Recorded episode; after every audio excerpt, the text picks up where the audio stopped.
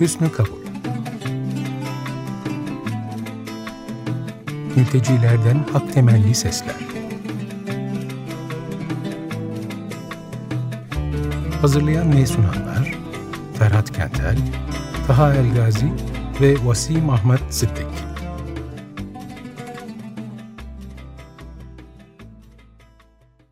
Merhaba dostlar, ee, hepinize günaydın ve sarılıyorum.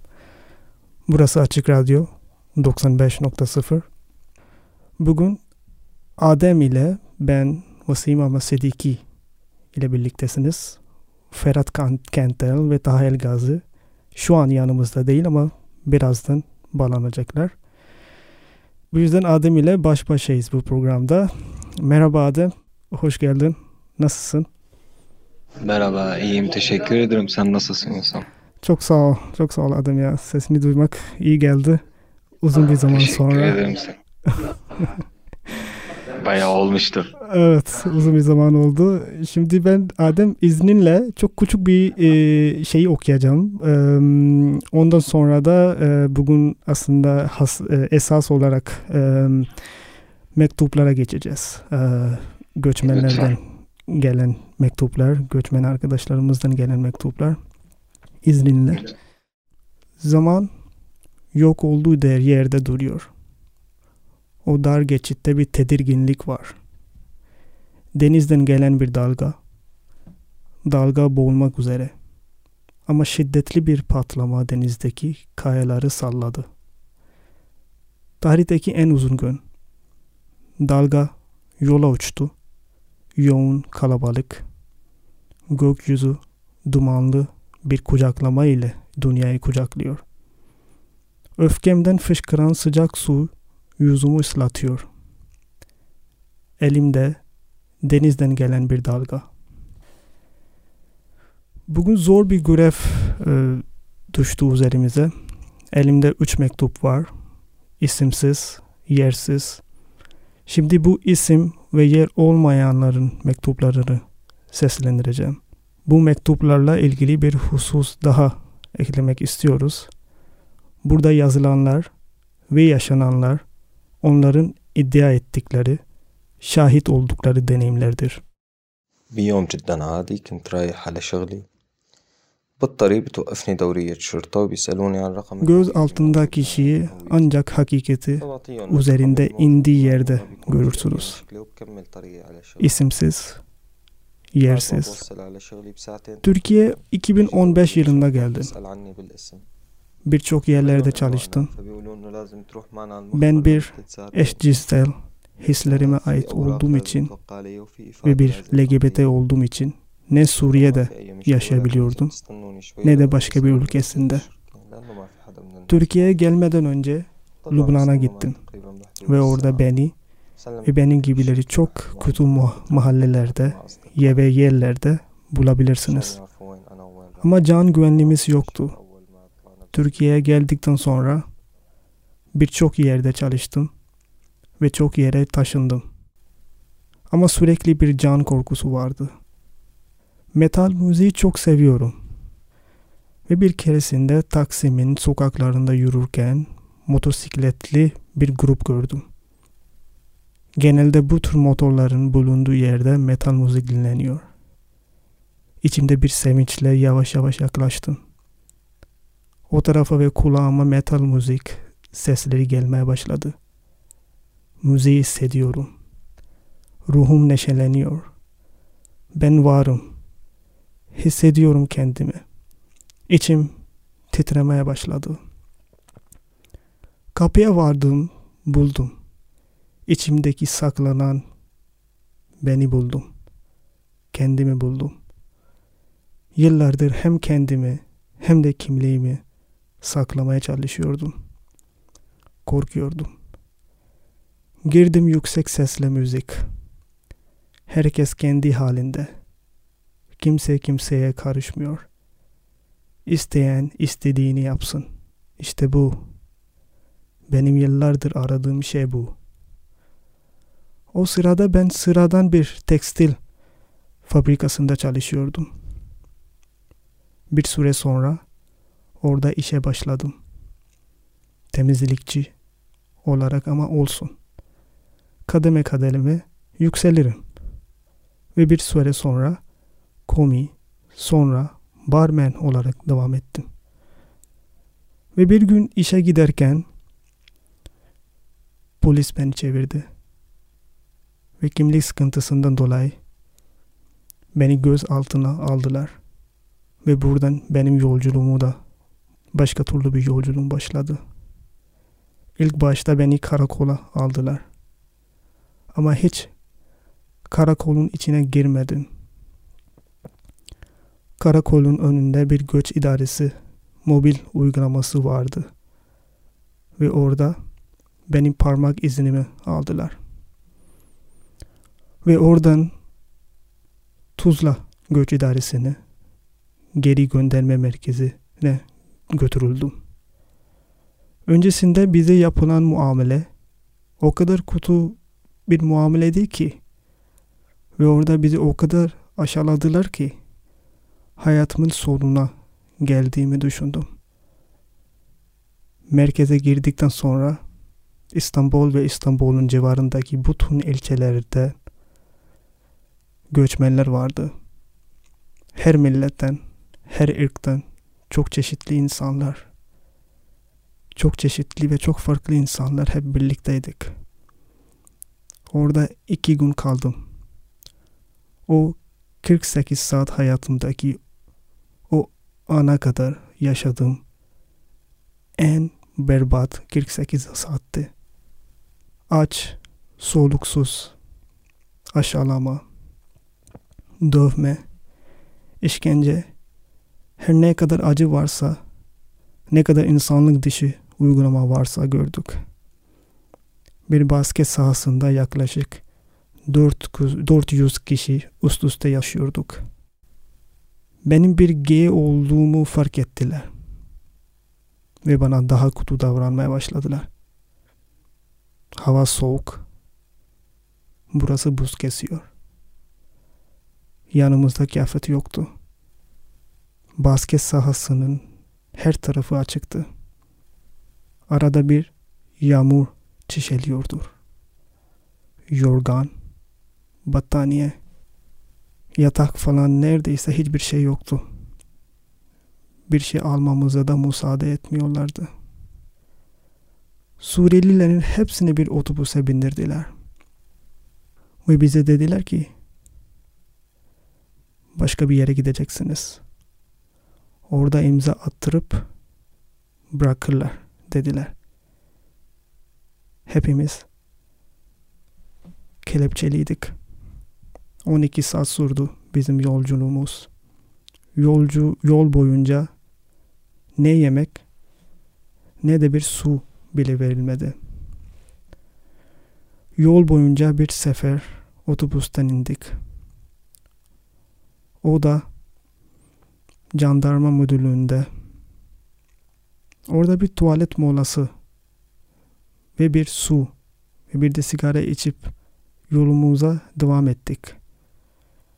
Ve o başka yer, neredeyse bu ya başka yer, bilinmeyen, yersiz bir yere geldik.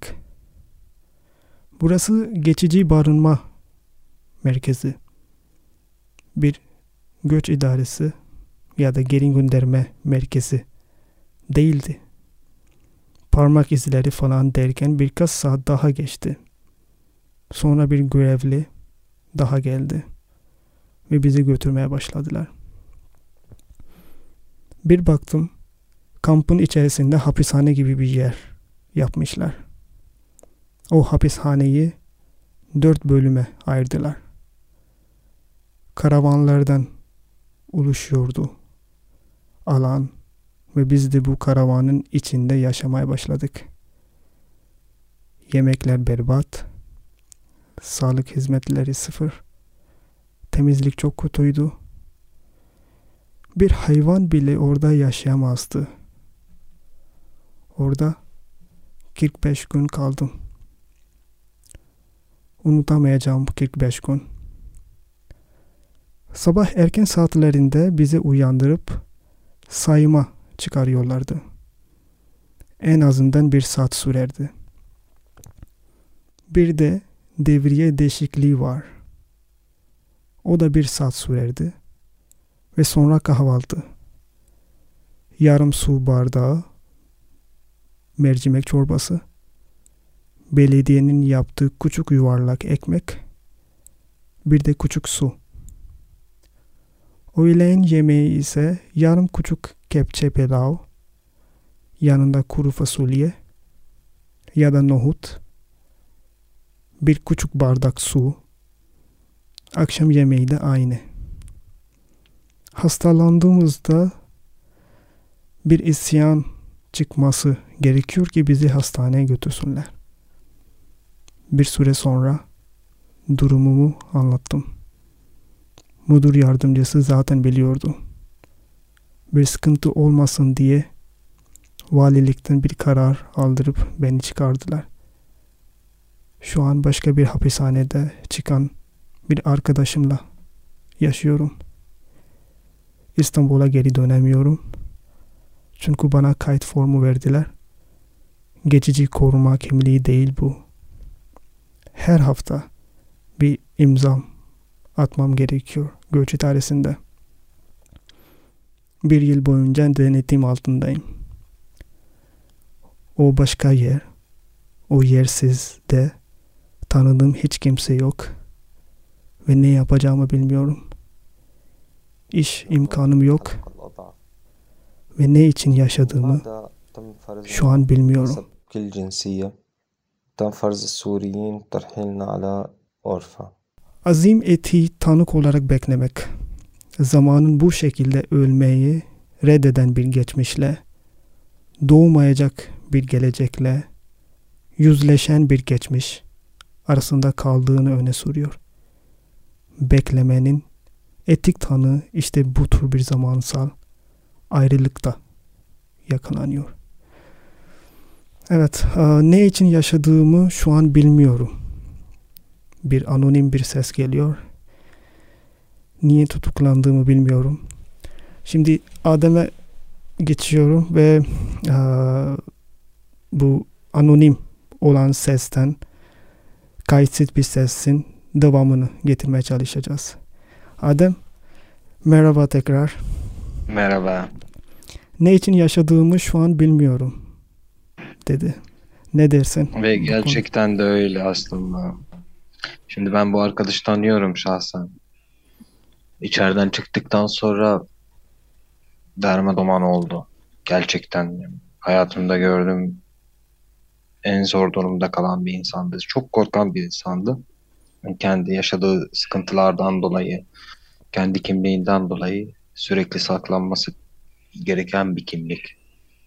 Ve bulunduğu yerde şu an daha zor bir yerde, daha kapalı, daha kapalık, daha küçük.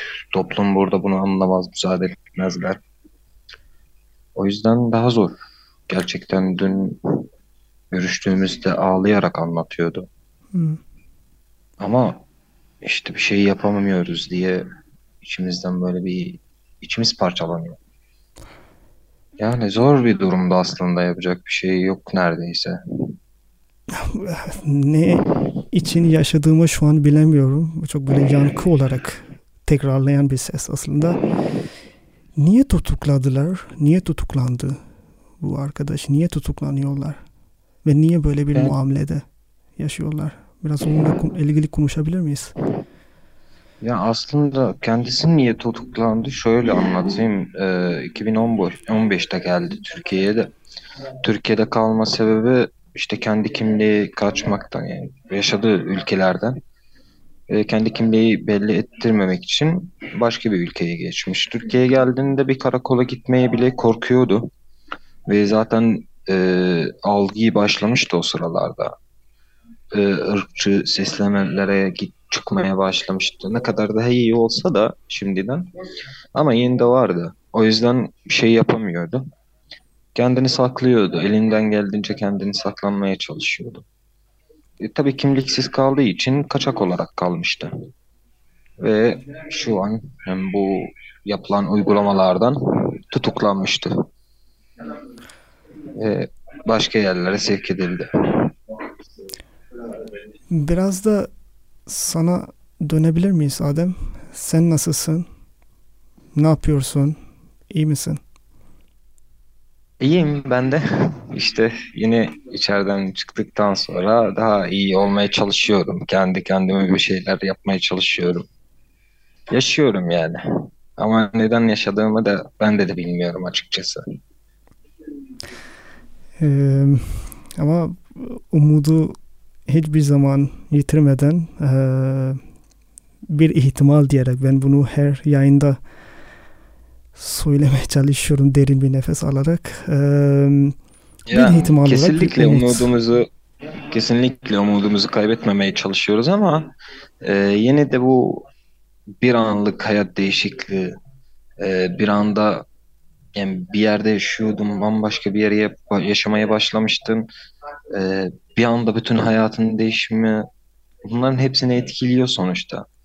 Yani sen bir hayat düzenlemişsin kendine kendine bir düzen kurmuşsun bir anda ufak bir karardan ya da bir keyfi bir şekilde alınıyorsun. Bütün hayatın mahvoluyor. Yani ne yazık ki bu sadece bana ya da diğer arkadaşa olan bir şey değil de e, bizim gibi binlerce kişi var. Hatta yüz binlerce diyebiliriz. Evet, um, e, Adem şimdi e, bir sonraki e, mektuba geçeceğim. E, sonra yine devam ederiz. İkinci mektup. İsimsiz, yersiz. احنا دخلنا من سوريا آه، طبعا تهريب دخلنا ونحن خمس أشخاص Ben كنا Türkiye'ye والجروب transit amacıyla كان geldim. في خمس أشخاص وكان في Ben مطر bir كتير kadınım. Suriye'de bir can güvenliğimiz kalmadığı için başka bir ülkeye son çare olarak gelmek zorunda kaldık. Her şey yolunda gidiyordu. Kaçak olarak Türkiye'ye girdik ama bu bir talihsizlik. İşte ne yapalım? Kaçak olarak girdik. Ve kaçak olarak devam edecektik. Bizim bildiğimiz batıya Tam sınırları yaklaşırken bizi tutukladılar. Ve biz Türkçe bilmediğimiz için neyimiz var, neyimiz yok aldılar. Pasaport ve telefonlar, para vesaire. Bizi bilinmeyen bir göç idaresine götürdüler.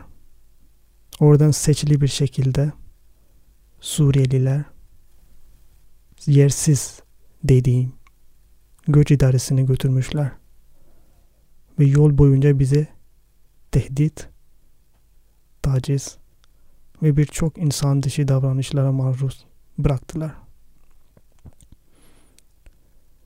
Bu yersiz yere geldikten sonra işte isim olmayan bizi geçici barınma merkezine getirdiler. Orada bir baktık normal bir barınma kampı değil. Ama içeride görünmeyen bir yerde çevrilmiş bir hapishane gibi bir yer. Ve erkek dolu. Biz de korkmaya başladık. Ve bir şekilde buradan bir an çıkmamız gerektiğini düşündük. Benden hemen çocuklarımı aldılar. Ve erkeklerin yanlarına götürdüler. Bunu nasıl yaparlar? Günde bir kez 15 dakika görüştürüyorlar çocuklarımla. Ve ben ve benim kar- kardeşim burada tek kaldık. Burası yersiz, isimsiz, geçici barınma merkezi. Bize telefonları ve bazı giyimlerimizi veriyorlar. Ama para ve pasaportları hala nerede oldukları bilmiyoruz.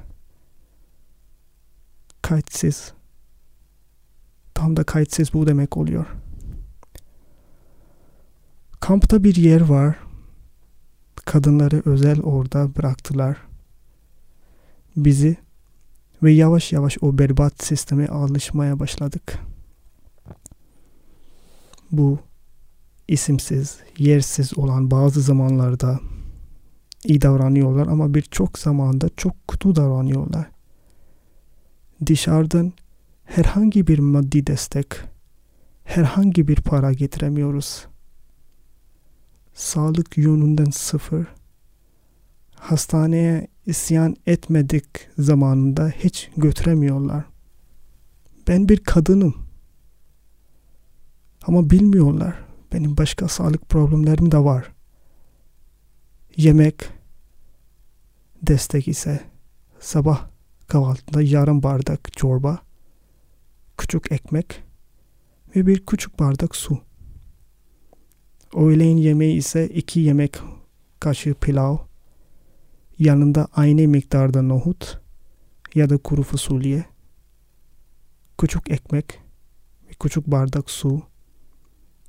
Akşam yemeği ise öğle yemeğiyle aynı. Burası kış dolu. Üşüyoruz burada. Yorgan, battaniye, yatak neredeyse yok. Ve öyle bir soğuk bir yerdeyiz ki akıl alacak gibi değil. Hala içerideyiz. Ve gittikçe umudumuz kaybediyoruz. Maddi ve manevi durumumuz hiç kalmadı. Hayatımızın sonuna mı geldik? Bizi duyuyor musunuz? Bir taraftan Suriye'ye geri göndermemizi korkuyoruz. Diğer taraftan ise içeride kalmaktan korkuyoruz. Avukat tutamıyoruz. Maddi durumlardan dolayı ve öylesine beklemekteyiz. قاعدين قعدة الكلاب معاملة بشعة إذا يعني وضع كتير بشع شو بدي أحكي لك لا أحكي لك ما بعرف O halde beklemek ile hareketsiz kalma arasında yansıtmalı bir geçmiş hafızasının ve geleceğin bir tür proleptik geçmişinin olduğu noktada bu etrafında sarılmış hassas bir nokta. Keskin bir acının odağı, barbarca hafızanın tanık olduğu an ve bizim de bir anda ona dahil, dahil olduğumuz durumunda tüm tarihin alt üst olduğu en kısa zaman salik içinde yatıyor. Şimdi e, bugünkü yayın burada sonlandırıyoruz ama e, öncesinde yine Adem'e son sözler vermek istiyorum. Adem öylesine beklemekteyiz diyor bu Evet. hanımefendi. Beklemek dünyanın en acı hissi.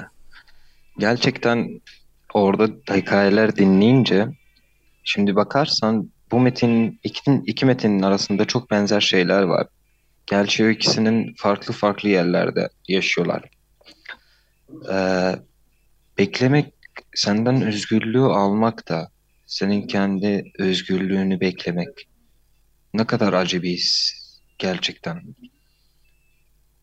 İçeride kalmak istemiyorlar ve Suriye'ye geri dönmek de istemiyorlar. Aynı zamanda dışarıda olmalarında umutları var. Özgürlük. O kadar küçük bir kelime ki ama aynı zamanda o kadar büyük de. Ne kadar hissetsek de, ne kadar da konuşsak da anlamına hiçbir zamanda ulaşamadık. Ulaşmak için de çapalanıyoruz ama sürekli elimizden alınıyor. Ne bileyim, keşke böyle bir durumda yaşanmasaydı. En kadın, çocuk, erkek de olsa da bu insanların hayatlarını elinden alınmasaydı. Ne kadar acı bir şey değil mi?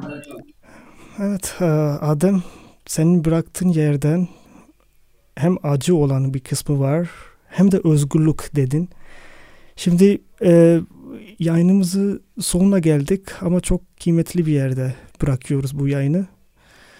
O yüzden bu e, bir şarkıyla bitirmek istiyoruz. Şarkının ismi de Özgürlük. İngilizcesi Released. Şarkının albüm Voices of Resistance şarkıcı Rimbana. Teşekkürler herkese. Önümüzdeki hafta çarşamba günü yine 9.30'da görüşmek dileğiyle. Hepinize sarılıyorum.